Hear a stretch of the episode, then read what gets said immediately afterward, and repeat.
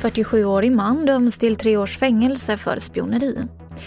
I morse startade statsminister Stefan Löfven sin sista partiledardebatt i riksdagen.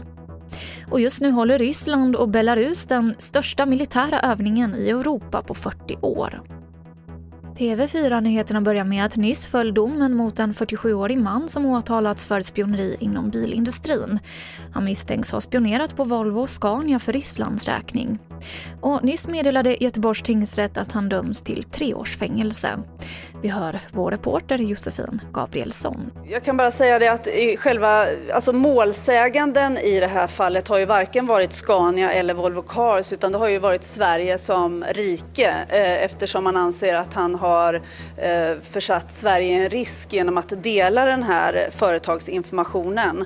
Exakt på vilket sätt det skulle vara så, det vet vi ju inte eftersom den delen i utredningen är hemligstämplad.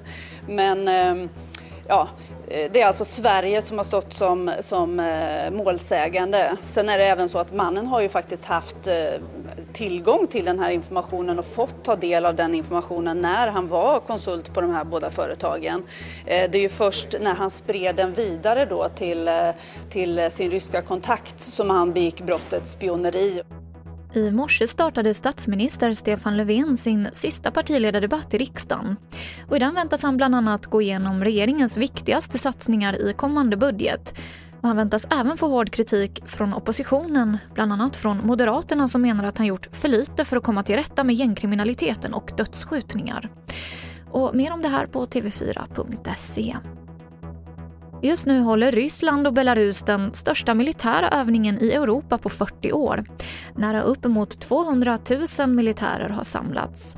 Nato och grannländerna fruktar att övningen kan leda till ökad spänning med Ryssland.